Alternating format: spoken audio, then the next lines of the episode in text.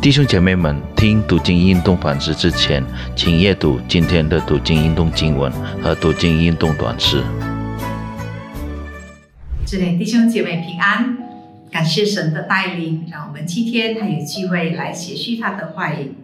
我们先低头祷告，爱我们的主，我们感谢你，你赐给我们机会，今天还可以学习你的话语。这时候，求你赐给我们。有和睦学习你的话语的心，也赐给我们能力，可以遵循你的话语。谢谢你，祷告奉靠耶稣基督的名，阿门。我们要学习的经文取自于诗篇第一百一十八篇，主题是投靠上帝。我给大家念第四到第九节：愿敬畏耶和华的说，他的慈爱。永远长存。我在避难中求告耶和华，他就应允我，把我安置在宽阔之地。耶和华帮助我，我并不惧怕。人能把我怎么样呢？在那帮助我的人中有耶和华帮助我，所以我要看见那恨我的人遭报。投靠耶和华，强势依赖人。投靠耶和华，强势依赖王子。这里弟兄姐妹们，有一位传道人曾经做过这样的见证：有一天，他必须乘飞机到往某个城市去办一些重要的事。其实当时他身体感到不适，又加上前夜睡眠不足，他很担心。他会在飞机上晕倒或出任何状况。想到这一点，他心里就感到很焦虑。在登机室等待登机时，他静下心来祷告，祈求上帝的带领。他深信上帝必定会看顾保守他，因为他相信。上帝是他在任何困难中随时的帮助。在飞机上，出乎他的意料，他遇见了一位之前他在某个教会服侍的教会主席。那位主席坐在他的后排，他就感到很安心了，心里想：若在机上。处，任何状况，至少有这位弟兄可以帮他。那天他就平安的到达了目的地，心里不断的感谢赞美上帝。上帝是本为善的。昨天弟兄姐妹们，虽然以上的见证看来是很简单的事，然而从这里我们可以看到。这位传道人对上帝的信靠和依依赖。大卫在诗篇一百一十八篇描述，因他知道上帝与他同在所感受到的安全感。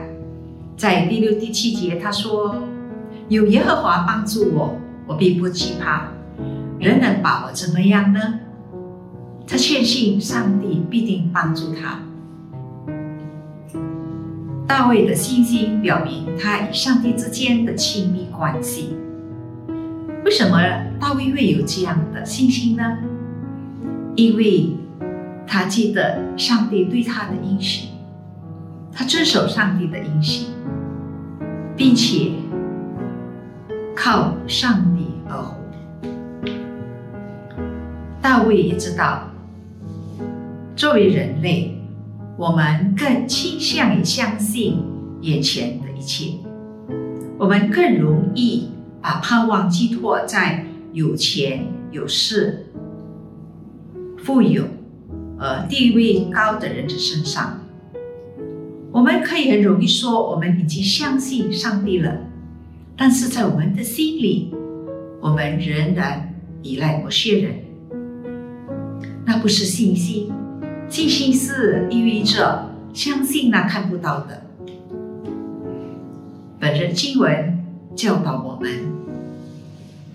面对艰难的第一步是投靠上帝。我们要相信，当我们寻求主的面并亲近他时，他必定会帮助带领我的生命。有时候，上帝也会透过某些人，可能是我们所认识的人，可能是我们不认识的人，来帮助我们脱离困境。这里弟兄姐妹们。你是否在任何情况下都会投靠上帝？即便那是像那位传道人那样的小问题，或者如大卫那样的大危难，甚至是遇上了生命的危险，我们依然谦卑的来到上帝面前，祈求他，投靠他，信赖他。我们相信，上帝会伸出援手来搭救我们，按照上帝的时刻，将上好的福分赐给我们。我们祷告，我们在天上的父，我们也要像大卫这样，称谢你，因为你本为善，你的慈爱永远长存。你教导我们。学习像大卫这样，在凡事上都投靠你，因为我们相信你是我们在任何困难中随时的帮助。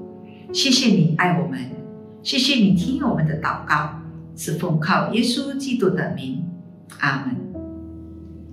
愿上帝赐福于我们。